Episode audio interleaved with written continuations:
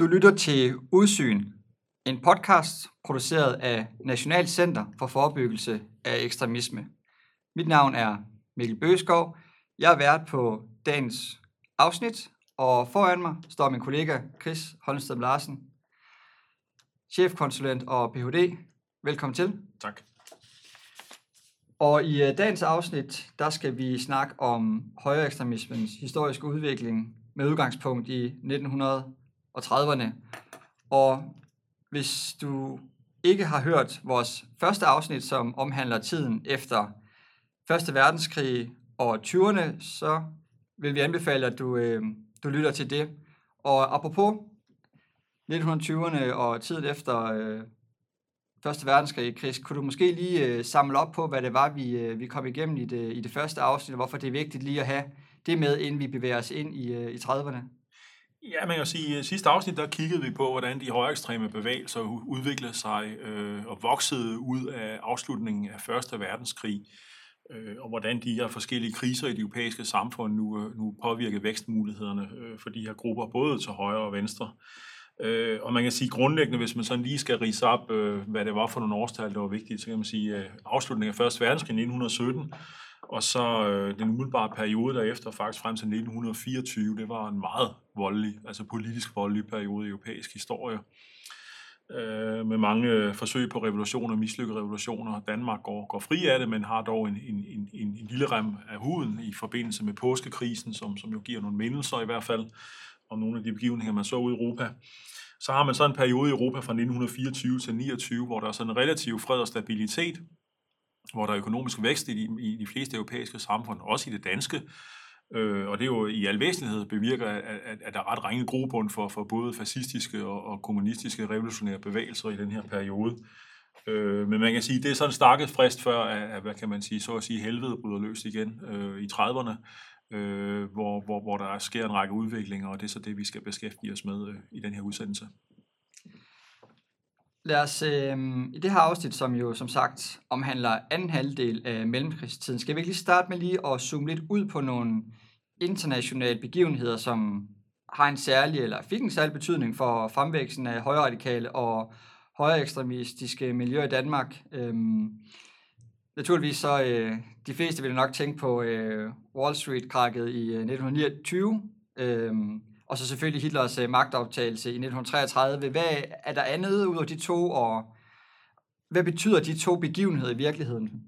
Ja, men man kan sige, altså, man havde jo, øh, de, europæiske demokratier havde jo fået en lille forsmag på, hvad der ventede. Øh, dels så, som vi også øh, om, øh, drøftede sidst, øh, jamen så var der jo den russiske revolution i 1917, som jo, jo rystede øh, mange europæiske demokratier, og i hvert fald sendte en chokbølge gennem alle de europæiske samfund. Øh, og så kan man sige, at afslutningen af Første verdenskrig øh, var jo mere hård for nogle nationer end andre. Danmark øh, kom, kom, kom, kom ud på den heldige side, det vil sige, at vi, vi har faktisk tjent penge på, på samhandel med de krigsførende magt under Første verdenskrig. Men, men, men lige mod syd havde vi jo en meget stor tysk nabo, øh, som kom ud af, af Første verdenskrig som, som den tabende part, øh, og med, med, med, med, med en ødelagt økonomi øh, og, og, og en lang række øh, politiske spændinger og stridigheder som jo munder ud i øh, forsøg på revolutioner og modrevolutioner, øh, det der kan betegnes som, som egentlig borgerkrig over, over i, flere runder, i dels 20, øh, op gennem 20'erne. Øh, og, og man kan sige, det, det gør jo, at, at lige, lige syd for grænsen i Danmark er der en, en, en, en daværende, dengang supermagt, øh, som grænser op til Danmark, øh, hvor der var en meget ustabil politisk situation. Og det er klart, det var noget, som skabte meget, meget stor bekymring i Danmark, og også fordi man havde jo set, at de her ekstremistiske bevægelser, øh, dels de kommunistiske og dels de fascistiske, som jo voksede ud af Mussolinis øh, revolution øh, i Italien i 22. Og nu havde man så pludselig også i, øh, i, i Tyskland havde man nogle meget stærke, nogle voksende og tiltagende stærke højekstremistiske bevægelser, som skulle blive til det, som, som vi så, så i dag betegner som nazisme, eller, eller det lidt længere ord nationalsocialisme, som jo var inspireret af fascismen, men var en sær en tysk fascisme, øh, som, som adskilte sig på en række områder. Øh, og det var ligesom den russiske revolution, ligesom kommunismen, jamen så var det noget, som man forsøgte at eksportere, Øh, og man kan sige, et af de advarselssignaler, der så kommer senere i 30'erne, det er den spanske borgerkrig blandt andet, hvor, hvor man jo så øh, får, får en forsmag på, øh, hvad der er, der venter. Det der senere bliver til 2. verdenskrig. Øh, så man kan sige, alt i alt, hvis man skal, skal summe op, så, så kan man sige, Jamen, den tyske nazisme vokser jo frem som en konsekvens af Første Verdenskrig, men man havde næppe set den tyske nazisme uden Første Verdenskrig, fordi det var, ud af mange ting, så var det et ønske om at få revanche, øh, om at få tabte landområder tilbage, øh, om at genvinde øh, fortidens storhed. Øhm, og man kan sige, det, det, det er summen af det er jo, at, at i det store hele, jamen, så, så demokratierne, de liberale demokratier i Europa, i 1930'erne bliver faktisk en truet dyreart. Øh, der er, hvis vi ser bort fra Skandinavien, jamen så er der faktisk forbavsende få demokratier, der overlever i Mellem-Europa, Østeuropa, Sydeuropa. Der forsvinder stort set øh, alle demokratier. Så når vi kigger ud over det europæiske landskab her i, øh, i den tidsperiode, så, så kan vi næsten snakke om en øh, skandinavisk demokratisk undtagelse i forhold til de udviklinger, der sker. Det, det kan man absolut med, med, med en betydelig øh, rimelighed. Det, det ser meget sort ud for, for demokratiet som styreform, øh, da vi når frem mod slutningen af 30'erne. Øh, og ja, absolut. Lad os så prøve at zoome lidt ind på, hvad situationen øh, er i Danmark. Hvordan, du, du snakkede noget om, der er nogle, man kan se det igennem nogle ekstremistiske bølger. Er det også det, vi ser øh, i, øh, i 30'erne i Danmark? Ja, man kan sige, der, der, der havde været strømninger i, i 20'erne også. Øh, nu nævnte vi jo, beskæftigede vi os tidligere med, hvad, hvad, hvad, hvad afstemningen om grænsedragningen i Sønderjylland og Slesvig øh, betød for de her bevægelser, men, men, men der var jo altså en betydelig øh, gruppe af borgere i Danmark, som var utilfredse med den her grænsedragning, og, og, og, og noget af den, den bevægelse, det der bliver, senere bliver betegnet som genrejserbevægelsen, er sådan en, en, en, en reaktionær, ultranationalistisk, øh, konservativ bevægelse, som, som, som udover at være utilfreds med grænsedragning og ønske en revision, og også i en dansk sammenhæng vende tilbage til øh, øh et, en, en dansk storhed, øh, som var forsvundet i tidligere tider, øh, jamen så, så er de grundlæggende antiparlamentariske. Og, og der er jo også nogle betydelige antisemitiske strømninger øh, i de her bevægelser, som egentlig er sådan et kludetæppe af en række små grupper og partier, som i det store hele kan blive enige om at være utilfredse med demokratiet, øh, og vi har en stærk mand, men, men derudover så, så er de på mange måder forskellige. Og, og det er ligesom baggrunden, kan man sige, da vi går ind i 30'erne. Der er allerede etableret en bevægelse, men det er ikke det, vi så sidenhen kommer til at øh, kende som nazistiske bevægelse. Det, det er sådan en bevægelse, som i vid udstrækning vokser frem fra 1928-29, men så særdeleshed i 30'erne vokser så stor. Men vi kan sige, at vi har en ekstrem højrefløj. Øh, lidt af de samme hvad kan man sige, ideologiske strømninger, øh, som vi ser i dag, som begynder at tage form øh, på det her tidspunkt. Men det er jo vel også en situation, hvor der faktisk er en dobbelt ekstremistisk trussel, øh, ikke, øh, som ikke kun udgår fra, fra det ekstreme højre, men vel også fra det øh, ekstreme venstre. Hvad har vi af, af sådan nøglefigurer i det øh, for de to strømninger, og hvad er det for nogle strategier, øh, de her øh, grupper øh, benytter?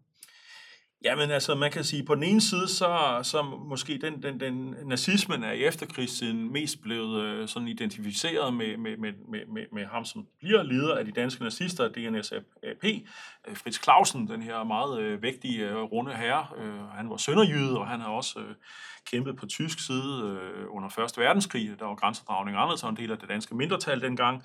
Øh, men han er faktisk bare en ud af mange partiledere. Før ham er, er der andre partiledere, som ikke har succes til at mobilisere den her bevægelse, og af mange årsager, ikke mindst interne stridigheder. Der er meget voldsomme infight kampe på den, på den yderste højrefløj i Danmark. Også på det her tidspunkt, det er det også i dag, men også på det her tidspunkt. Man kan simpelthen ikke blive enige, og man kan særdeles ikke blive enige om, hvem der skal, skal være fører, og hvem der skal bestemme. Øh, og det gør altså, at de her bevægelser, de her småpartier og grupper, som er forsvindende små, men til gengæld rigtig mange, de bruger rigtig meget tid på at slås med hinanden, øh, og de kan virkelig ikke døje hinanden. Altså, det er korporlige slagsmål, vi taler om. Øh, men Fritz Clausen ender altså med at, at, at tage føretrøjen øh, i, i, øh, i øh, DNS SAP, Øh, og så, så, så de danske nazister. Men altså, det er vigtigt at stadig forstå, at der er andre nazistiske partier i perioden også. Øh, men det, det er det bliver ligesom det officielle, det bliver det store parti. Øh, på venstrefløjen, så har vi selvfølgelig de, frem for alt de danske kommunister, de Moskva-tro danske kommunister. De har også ligget i hæftige interne fraktionskampe op gennem 20'erne øh, hvor de sådan langsomt har kørt den her lidt mere anarkistisk inspirerede syndikalistiske bevægelse ud på et sidespor, øh, og også trotskister og alle mulige andre strømninger inden for den kommunistiske bevægelse. Men nu var der altså primært DKP, øh, ledet af Axel Larsen, som i 1930'erne, kan vi gik ind i 1930'erne, som, som, som, som, som, som var, den, var en ledende kraft på den aller yderste venstrefløj, og det kan man sige, det er der sådan, sådan ligesom begge, begge de her fløje, jamen de udfordrer demokratiet øh, ved brug af en række forskellige redskaber herunder antiparlamentariske og voldelige øh, metoder. Det kan vi så vende, vende tilbage til. Øh, man kan også sige, der var også andre steder i dansk samfund. Nu nævnte jeg øh, genrejserbevægelsen, som var sådan et, et kludetæppe af forskellige grupper, sådan øh, reaktionære, ultranationalistiske grupper. Øh, jamen, der var også i landbruget, hvor der var meget stor utilfredshed, fordi Danmark havde... Øh, efter en kort vækstperiode, økonomisk vækstperiode der i slutningen af 20'erne, jamen så, så, så krasser krisen igen, øh, ikke mindst på grund af Wall Street crack i 29, og der er altså store dele af det danske landbrug, man er meget utilfreds med situationen og økonomien, og det giver altså også anledning til, at der her kommer en antiparlamentarisk bevægelse, øh, den bevægelse, som bliver kendt som øh, Landbrugernes Sammenslutning, øh, hvoraf øh, hovedparten de, øh, øh, de, de, de, de trækker sig ud eller, eller, eller, eller melder sig ud af, af partiet Venstre og danner deres egen organisation øh, og, og, og, og partier. Øh, så, så, så der sker en række ting i det danske samfund. Der sker ligesom på, på mange fronter, så sker der en radikalisering af hele det politiske liv, bliver polariseret, sådan lidt som vi har set i USA øh, i forbindelse med det seneste valg, at hele det politiske liv bliver sådan trukket fra hinanden og trækker ud på, på yderpolerne. Du nævner her, at både øh, de danske kommunister og de danske nazister, de ligesom både øh, forsøger at påvirke øh, gennem, øh, hvad kan man sige, gaden, men også øh, parlamentarisk. Så det er en situation, hvor der både er uro på gaderne, men hvor der også sker noget øh, parlamentarisk. Hvad, hvad er det, der sker her? Jamen altså, det er, jo, det, er jo, det, er jo, det, er jo, det, er jo, det er jo en meget farlig situation for det danske demokrati. Øh, øh, at, på, at man har bevægelser, øh, partier, på, der på den ene side følger de tilsyneladende, officielt følger de parlamentariske spilleregler, altså de demokratiske spilleregler, altså stiller op til folketingsvalg, øh, lader sig repræsentere parlamentarisk osv., øh, og på papiret i hvert fald øh, i hvert fald øh, jævnfald egen udsagn, øh, øh, øh, lever op til det, som grundloven kræver. Men samtidig de her partier, så bruger man en dobbeltstrategi, hvor man på gaderne bruger politisk vold øh, til at angribe politiske modstandere, til at angribe politiet med mere. Altså, så man ligesom fra to fronter på den ene side, så forsøger man at stemme sig til magten, for selvfølgelig ikke for at bevare demokratiet, men for at omstyrte demokratiet i øjeblikket, man så fik magten. Det, det skal man jo huske, det var jo det, Hitler gjorde i 1933. Øh, han blev jo sådan set demokratisk indsat, men benyttede så demokratiet til at afskaffe demokratiet. Øh, og, og det er altså det er både de danske øh, nazister på den ene side forsøger den her dobbeltstrategi, og på den anden side, så gør kommunisterne nøjagtigt det samme. Øh, og, og det er klart, det var meget svært som, som, som, som samfund, som myndigheder agerer i forhold til, fordi skal man så skride til yderligheder, så at sige, og så forbyde et demokratisk parti, øh, eller hvad skal man stille op med det her fænomen? Og det var altså noget nyt, som myndighederne i Danmark, som samfund i Danmark, ikke har stået overfor, og det skulle man altså forholde sig til nu. Men hvad, hvad, hvordan forholdt man sig så til det? Hvad var ligesom, man kan vel kalde det demokratiets reaktion eller, eller, eller modsvar på den her udfordring? Hvad, hvad gør man sådan øh, lovgivningsmæssigt, og, eller hvad gør den dømmende magt, eller den udøvende magt? Hvad, hvad, hvad er modsvaret til den her udfordring? Jamen altså set i, i det historiske spakspejl, så vil jeg sige, så, så var man forbavset nuanceret til at betragtning af, hvor alvorlig truslen var, og, og, og hvor lidt erfaringer man havde med, med de her nye totalitære bevægelser og partier. Øh, altså er man jo faktisk øh, i en dansk sammenhæng, man, man forfalder ikke til, til, til, til den umiddelbare løsning, øh, som vil sige at forbyde de her partier. Det, det, det, det har været det nemme. Øh, lave en, øh, jævnfør grundlov, de virker ved vold, og så forbyder vi dem. Det, det, det kunne man godt tænke at, at være fristende. Det var også fristende, og det var der også, øh, også parlamentarisk, var der i nogle partier, var der det, man ønskede. Øh, og det var så selvfølgelig primært i forhold til dem på den anden fløj. Altså kommunisterne ønskede nazisterne forbudt, og nazisterne ønskede kommunisterne forbudt. Og der, der var så nogle selvfølgelig ideologiske modsætninger. Men, men det, der i realiteten sker, er, at man i den, øh, både dels den, øh, den, øh, den daværende socialdemokratiske regering under Stavning, men jo også, øh, også oppositionen øh, i form af, af, af Venstre og de konservative, er en forståelse af, at, at, at, at, at, at man bør slå ned på, på, på det ekstremistiske udtryk. Det vil sige, i stedet for at forbyde de her grupper og partier, jamen så er det det ulovlige virke, det antidemokratiske virke, de har, man skal ramme lovgivningsmæssigt. Altså forbud mod uniformering for eksempel, øh, som man gennemførte i 30'erne. Øh, øh, man øh, indførte en såkaldt øh, racismeparagraf øh, i 1939, som, som jo er en paragraf, som vi var den dag i dag, øh, og som stadigvæk anvendes, Øh, men den racismeparagraf, det var altså for at beskytte de danske jøder. Øh, altså, altså igen, beskytte dem imod den, øh, den antisemitisme, som dels udgik fra, i særdeleshed fra de nazistiske partier, øh, men jo også fra en række andre grupper. Øh, så, så, så, så man kan sige, der er en nuancering af øh, forbud mod bestemte former for våben, altså bære for, for, forskellige typer af ting, der kunne bruges som våben øh, i slagsmål øh, i gaderne for eksempel. Så, så, så, så, så, så man kan sige, myndighedssvaret er, er ret nuanceret, og set med nutidige øjne så man siger, den, den måde, man, man forstår ekstremisme og for, forsøger at forebygge og nogle gange bekæmpe ekstremisme i nutidens samfund, jamen det bygger altså på nogle erfaringer øh, og også nogle lovgivninger, som går tilbage til 1930'erne. Så vi kan jo vel nok sådan sige, at den, den danske tilgang nok var lidt mere succesfuld end hvad der for eksempel skete i Tyskland under Weimar-republiken. Nu kom du ind på det her med det lovgivende, men, men er der sådan kan du sige det på en anden måde, hvad det er, sådan de helt store forskel er på den måde, vi håndterede det i, øh, i Danmark i 30'erne, og, og den måde, som øh, den tyske Weimar-republik skulle øh, håndtere deres udfordringer på? Der er absolut store forskelle, og det er også netop de forskelle, som, som på mange måder kan forklare, hvorfor det gik så, så, så, så, så skidt, som det gjorde i Tyskland, og omvendt at det lykkedes i Danmark, og, og hvad kan man sige, sige øh, stoppe den her ekstremistiske trussel mod demokratiet rettidigt. Altså, altså, vi kan jo starte med, med, med, med, med, med, med, med en succes, og nu har jeg jo allerede taget hul på den succes i en dansk sammenhæng, men en del af den succes er jo, at, at der er, er en parlamentarisk konsensus mellem de store parlamentariske partier i Danmark, både til højre og til venstre. Øh, altså det er jo Stavning-regeringen, Socialdemokratiet, der har regeringsmagten øh, på det her tidspunkt, øh, og de konservative og venstre, øh, der er i opposition. Øhm, og, og, og, og man kan sige, men, men, men på trods af, at der var en meget hisset debat, og det er klart, der er også en polarisering parlamentarisk, det kan vi vende tilbage til om lidt, for der sker også nogle ting i de her partier, som, som er ret afgørende, som faktisk er ret troende i, i, i, i en periode. Øh, så er der blandt partiledelserne, øh, i særdeleshed i, øh, i Socialdemokratiet og i konservative øh, er der en forståelse af, at en konsensus er nødvendig. Altså man bliver nødt til at holde den politiske bold inde på den parlamentariske bane, fordi hvis den ryger ud på gaderne, jamen så står man i en situation tilsvarende den, som man stod i og kom til at stå i i Tyskland.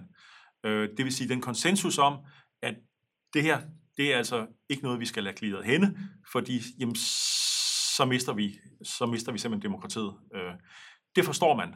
Øh, det er en grundforståelse af. Øh, Chris Mads Møller, øh, den daværende konservative leder, spiller en meget vigtig rolle øh, i konservative, øh, blandt de konservative herhjemme.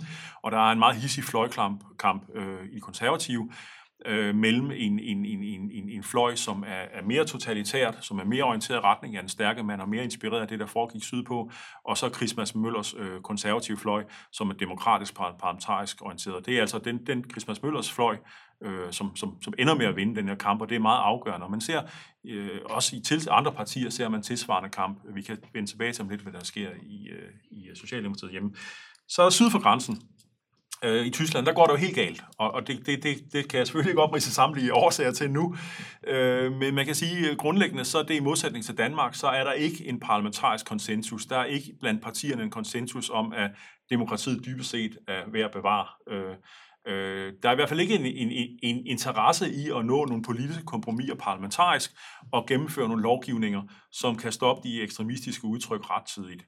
Det vil sige, de tyske nazister, øh, al den lovgivning, som man gennemfører i Danmark imod uniformering, bevæbning osv., det kommer enten ikke, eller så kommer det så sent, så det er for sent i en tysk sammenhæng. Det vil sige, man formår ikke at stoppe nazistiske trusler, og det vil sige, at nazisterne i Tyskland, de når at overtage øh, efter den her meget blodige kamp med de tyske kommunister, øh, som spiller på, på samme strenge, jamen så ender det jo med, at Weimar-republiken går, går under, øh, drukner, i, ja, drukner i optøjer og blod simpelthen. Øh, så, og, og det er klart, fra dansk side, der sidder man og kigger meget, meget, meget ængsteligt, øh, ikke mindst dansk regering, sidder og kigger ned syd for grænsen. Det var også Socialdemokratiet, der havde magten i, øh, i Tyskland indtil 1933, øh, hvor Hitler kommer til magten og definitivt afskaffer demokratiet. Øh, så man udveksler jo idéer og tanker, og, og der var også en udveksling af, øh, det tyske politi, rejste også til København, ved vi, øh, og udveksler med det danske politi erfaringer osv.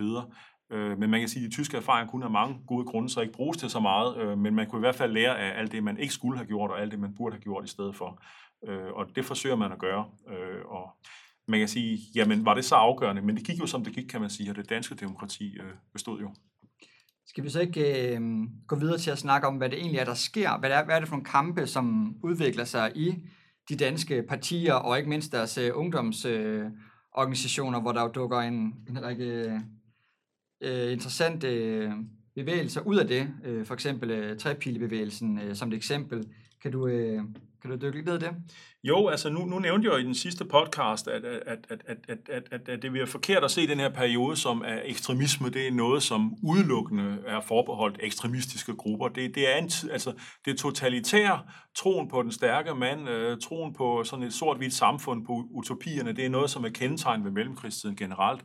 Og det vil sige, selv i de meget demokratiske partier, de øh, parlamentariske partier, jamen så er der strømninger, der er, der er fraktioner, som trækker i en anden retning, som trækker ud som i en polariserende retning, som trækker i, i en ekstremistisk retning. Øh, og det udmyndter sig jo også i en dansk sammenhæng i, at, at de her partier, de fleste danske partier, ender jo med at få sådan nogle gadekorps, som slås med en i gaden, Så det er ikke kun ungkommunister og ungnazister, øh, der slås, altså Danmarks Kommunistiske Ungdom og Arbejderfronten og Nationalsocialistisk Ungdom. De her ekstremistiske grupper, som var typisk for ungdomsbevægelser og teknologisk ekstremistisk men også de etablerede partier. Nu nævnte du Socialdemokratiet, jamen der, har man, der udkommer den her trepilebevægelse, som også vokser ud af tysk inspiration. Øh, altså ideen om, at partiet skulle have våben og skjold til at forsvare sig imod nazister og kommunister, når de angreb. Altså, kan huske, at kommunister og nazisterne slogs, øh, undskyld, øh, socialdemokrater og kommunister slogs lige så meget med hinanden, som de slogs med nazisterne. Så det var, det var virkelig en borgerkrig i gaderne, også, også, også, også øh, i de københavnske gader. Øhm, så, så, så man får sådan en, en, en, pludselig så vokser der de her øh, væbnede korps frem, uniformerede korps, så hvert parti havde ligesom sit eget, og det er ikke fordi, det er udtryk for en sådan central politisk beslutning i de her partier, det er simpelthen en ungdomskultur. Trepilebevægelsen for eksempel, sådan socialdemokratiske, i konservativ ungdom, jamen der, der har man øh, den her, øh, det her paramilitære korps, som bliver betegnet som stormtropperne, som i, i sådan nogle ridestøvler og sorte uniformer, og meget inspireret af det, der foregik i Italien og til dels også i Tyskland, og så tørner man sammen i gaderne. Og det er jo en, en udvikling, som, som, som, som tror som sige, selve det parlamentariske grundlag af de her øh, partier, øh, og tror med at trække magten væk, hvad kan man sige, fra, fra de ansvarlige parlamentariske magthavere i partierne. Øhm, i, øh, hvad hedder det nu, øh, Socialdemokratiet, der tager man øh, opgøret allerede i 1934. Der bliver udrenset en række medlemmer af den her trepilebevægelse. Øh, også meget interessant, senere, senere, senere ledende medlemmer af Socialdemokratiet, øh, Jens Otto Krav for eksempel, var faktisk medlem, og var meget, meget tæt på at blive udrenset. Han var ikke ledende medlem af trepilbevægelsen, øh, så han ender med at blive, og han ender også med at blive statsminister sidenhen. Men han var, det siger også noget om, det var tidsånden simpelthen. Øh, og, og, og det var også noget med den her forståelse af, at modparten udgjorde en trussel mod demokratiet eller mit parti, og så må jeg ud og forsvare det. Øh, så militans var altså noget gennemgående. Øh, opgøret er mere voldsomt i, øh, i, øh, i, øh, i, hvad hedder det nu, øh, det konservative øh, Folkeparti. Der er en meget, meget hissig kamp, øh, og, og, og det er Christmas Møller på den ene side, og så har vi en, øh, en, øh, en, en fraktion under øh, folketingspolitiker Pyrsel øh, på den anden fløj, øh, og lederne af, af, af, af, hvad hedder nu, den her, øh, og så også lederne af den her stormtroppebevægelse, øh, som trækker i den anden retning. Og det er altså hisse bevægelse, og, og, og den når før sin afslutning i 1936, hvor, hvor, hvor, hvor, hvor Pyrsel øh, og, og, og så Vestergaard, som, som, som var leder af stormtropperne, øh, de bliver kørt ud på et sidespor og ender med at melde sig ud og, og forsøge at lave deres egne øh, partier. Så der vil sige, og Christmas Bøller er jo mest kendt i forbindelse med besættelsen, hvor han jo fra London sender, sender de her daglige udsendelser øh, øh, til Danmark, øh, og ender med at få en ret central rolle i befrielsen af Danmark. Men, men, men det kan man sige, det er det klarsyn, der er blandt de politiske ledere, de politiske ledere af de her partier, hvor man godt kan se ud over det ideologiske politiske fjendskab, som, som, som jeg i hvert fald mener spiller en meget væsentlig rolle for, at man i Danmark faktisk bliver enige om øh, og, og ligesom lukke, lukke, lukke, lukke flod, flod, flodportene ud mod de her ekstremistiske fløje, og så stå sammen på den her parlamentariske platform. Det gør en, det gør en afgørende forskel. Ja, og øh, i hvert fald et øh, nedslagspunkt, som er ret essentielt i forhold til, til at lukke øh, fløjene, det er jo øh, kanslergadeforlidet. Øh, og øh, i forhold til sådan, hvilken forebyggende effekt kanslergadeforlidet det har haft, øh, tænker måske, vi skal lidt ind på øh, kanslergadeforlidet. Det var øh, 1933, den 30. januar, mener det var. Øh, Chris, kan du komme lidt ind på, øh, hvorfor det er, at kanslergadeflidet det er så, øh, det er så afgørende i, øh, i, i den her historiske periode? Jamen, jeg synes, kanslerforlidet er rigtig interessant på mange måder, og man kan sige, nu, nu når vi taler øh, mellemkrigsperioden, så taler vi jo typisk øh, ekstremismebekæmpelse. Det er en lidt mere hård ende. Der, der er ikke så meget forebyggelse. Der er ikke så mange SSP'er. Der er faktisk rigtig nogen på gaden på det tidspunkt. Øh, det med forebyggelsen, det er jo sådan noget, som vokser ud af velfærdsstaten, udvikling af velfærdsstaten efter krigen. Men man ser i hvert fald tiltag til noget, der ligner øh, en tænkning, som man forbinder med, med forebyggelse. Øh, altså Kassergade-forlidet blev jo vedtaget i, i, i, øh, i 1933, øh, øh og, og, og, og man kan sige, det, det, er, jo, det er jo sådan et, et, et, et, et bredt politisk forlig, som får, får, får en meget øh, vidtrækkende konsekvenser på mange områder. Altså, dels som sådan en bred politisk, i den her sammenhæng, sådan en bred politisk accept af, af den parlamentariske platform, Øh, altså, at, at, at det er der, man afgør det. Det er der, man, man laver forlig, altså demokratisk øh, nøgleredskab at lave forlig, øh, frem for at gå på gaden og, og så afgøre det der.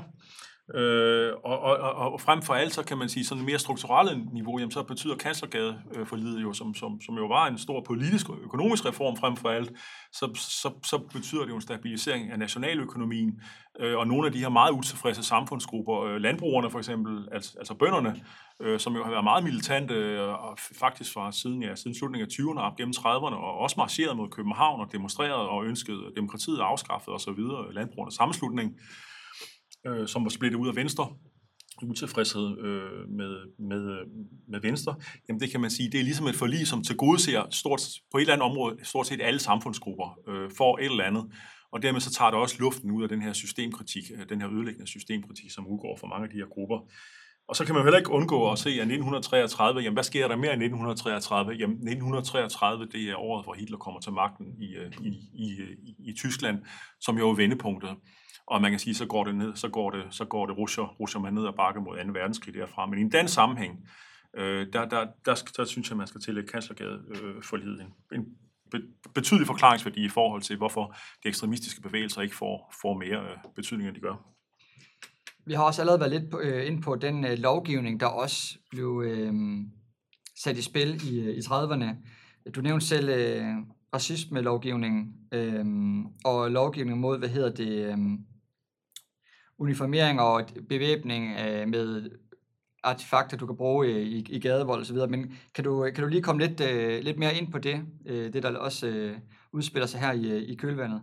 Ja, det kan jeg godt. Jeg kan måske lige indledende bare lige nævne, at, at baggrunden, nu nævnte, tog jeg lidt hul på det i sidste podcast, hvor jeg nævnte nogle af de her begivenheder. Altså, politiet havde jo, øh, efter Første verdenskrig i 1918, var der jo et meget voldsomt slag øh, på Grøntorvet øh, her i København, øh, hvor, hvor, hvor, hvor der var en, man kan sige, ligesom de eftertidens beskrivelser var, at luften sidrede af revolutionære energier, altså der var samfundsomstyrtning i luften, og det tog politiet øh, flere dage at få det her under kontrol. Øh, der var opstanden i Randers i 1922, øh, øh, som jo også endte i næsten en form for lokal, øh, hvad hedder det nu, undtagelsestilstand. Øh, og så har vi jo også i Nakskov i 1931, bliver der jo også erklæret lokal, hvor også igen de lokale arbejdere, øh, de rejser sig, og herren må sættes ind for at nedkæmpe den her opstand øh, i Nakskov, ligesom i Randers i øvrigt. Øh, som, som, hvad kan man sige, var på mange måder, var, var ikke, det var ikke kun kommunisterne, men det var kommunistisk styret øh, optøjer og, og, og, øh, og, og uro. Og, og i 1932 i København er der meget voldsomme uroligheder, også igen kommunistiske optøjer, demonstrationer og uroligheder, hvor politiet faktisk kommer i undertal, øh, og voldsomheden af angrebet på politiet er, at mange politibetjente bliver såret, og det politiet bliver simpelthen drevet på, på, på flugt. Øh, og igen så skubber det til en erkendelse i politietaten, men også blandt regeringen, at politiet må simpelthen bedre udrustes til at kunne, kunne, kunne klare de her optøjer, hvis, hvis ikke man skal ind i en situation, der er meget værre. Øh, så, så i starten af 30'erne, der kan man sige, at politiet bliver tilført, øh, bliver tilført øh, flere ressourcer, der sker en reorganisering af politiet, så man er i stand til at, at, at hvad kan sige, mødegå en egentlig opstand, hvis det skulle komme på tale. Man, man, man får, får bedre våben, man får for eksempel små korte karabiner, det er sådan en riffel, der er meget effektiv øh, i, i, til at nedkæmpe opstanden. Man får torgas, man får skjolde, nye strategier, taktikker, hjelme, øh, sådan nogle ting, øh, som man slet ikke har haft tidligere.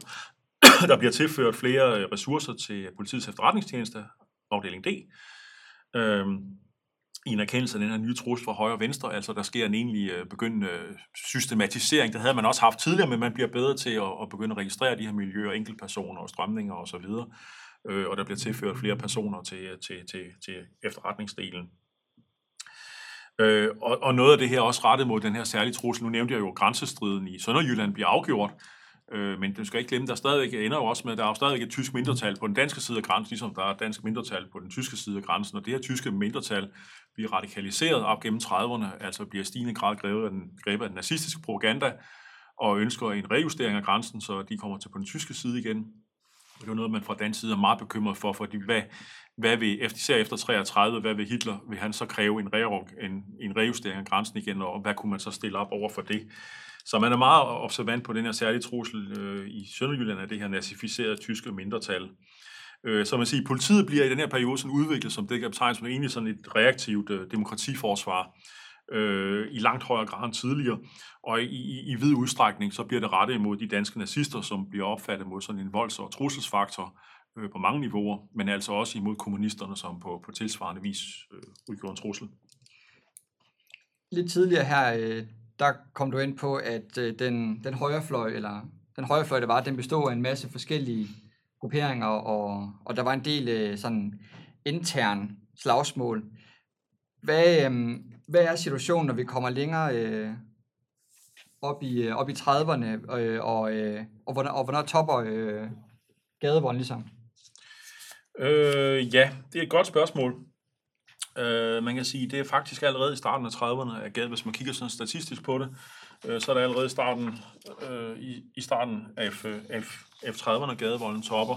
Så det er faktisk øh, stort set før, før, før hvad hedder det nu, øh, Hitler kommer til magten. Det er faktisk 1932, hvis man sidder og regner på avisartikler, for eksempel og ser, hvor mange øh, voldelige opstag, optøjer og demonstrationsvidere der er, jamen, så er det allerede 1932.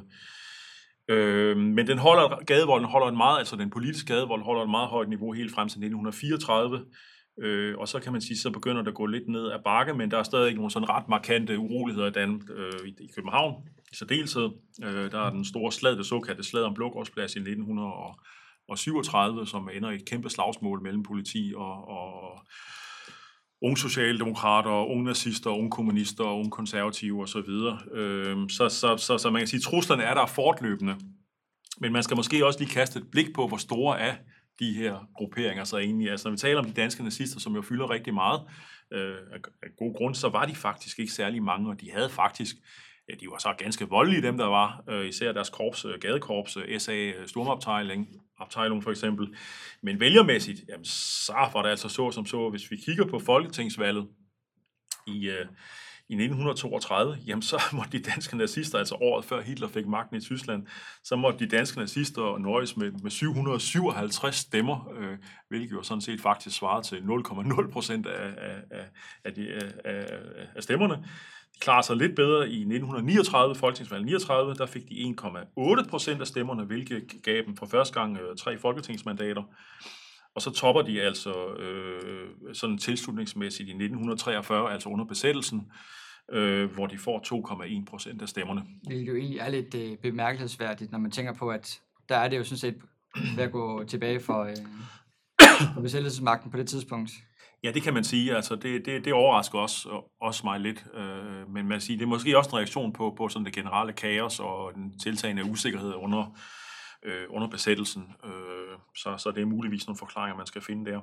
Men, men hvad gør man så fra, øh, fra myndighedernes side af til sådan at forsøge at imødegå den her øh, udfordring, øh, der, der kommer fra øh, din, øh, den nazistiske bevægelse i Danmark? Ja, men altså de her totalitære strømninger, både fra højre og venstre, altså nu nævnte jeg jo tidligere, at man havde faktisk en ret nuanceret tilgang til det, og det, det udmyndtet sig i, i noget meget, meget, meget øh, konkret lovgivning, altså Øh, altså netop det her, at man retter, man, man, man, man, man retter lovgivning mod den ekstremistiske praksis, og ikke, ikke selve det at være et ekstremistisk parti. Altså man forfalder ikke til, til man kan tro, det var meget nemt bare at forbyde nazisterne og forbyde kommunisterne, så er problemet løst. Men, men det ved man godt, og det vil man faktisk bare øh, gøre selv en bjørntjeneste, og det vil faktisk bare give de her partier en endnu bedre argumentation for, at demokratiet ikke er demokrati.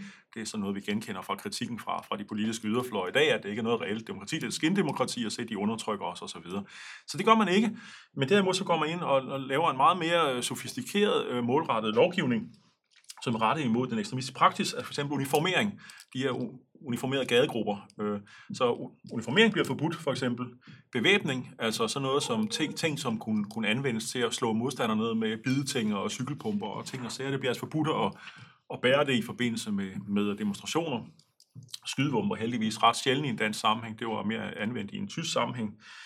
Øhm, og så, så det bliver altså ikke selve en ekstremistisk ytring. Altså det er ikke et forbud mod grupper, partier og ytringer. Øh, men det med ytringer, det kan vi komme tilbage til. Der er så en væsentlig uh, nuancering, som stadigvæk har betydning i dag. Øhm, og det kan man sige, at det er jo så racismeparagrafen. Altså den, den, den såkaldte paragraf 266b. Fra 1939. Fra 1939 nemlig, ja. Øh, og og den, er, den, den er simpelthen en lovgivning, som er rettet imod, imod de, den her stigende bølge af antisemitisme, som, som i særdeleshed går ud over de danske jøder, øh, og, og som i særdeleshed kommer fra de nazistiske grupper og partier. Meget grovkornet øh, propaganda, øh, men altså også kommer fra en række andre mindre grupper øh, øh fra, fra den aller yderste højrefløj. Øh, så, så, så, så det er simpelthen ret, det er simpelthen for at beskytte de danske jøder, man, man indfører den, den her, den her øh, racismeparagraf.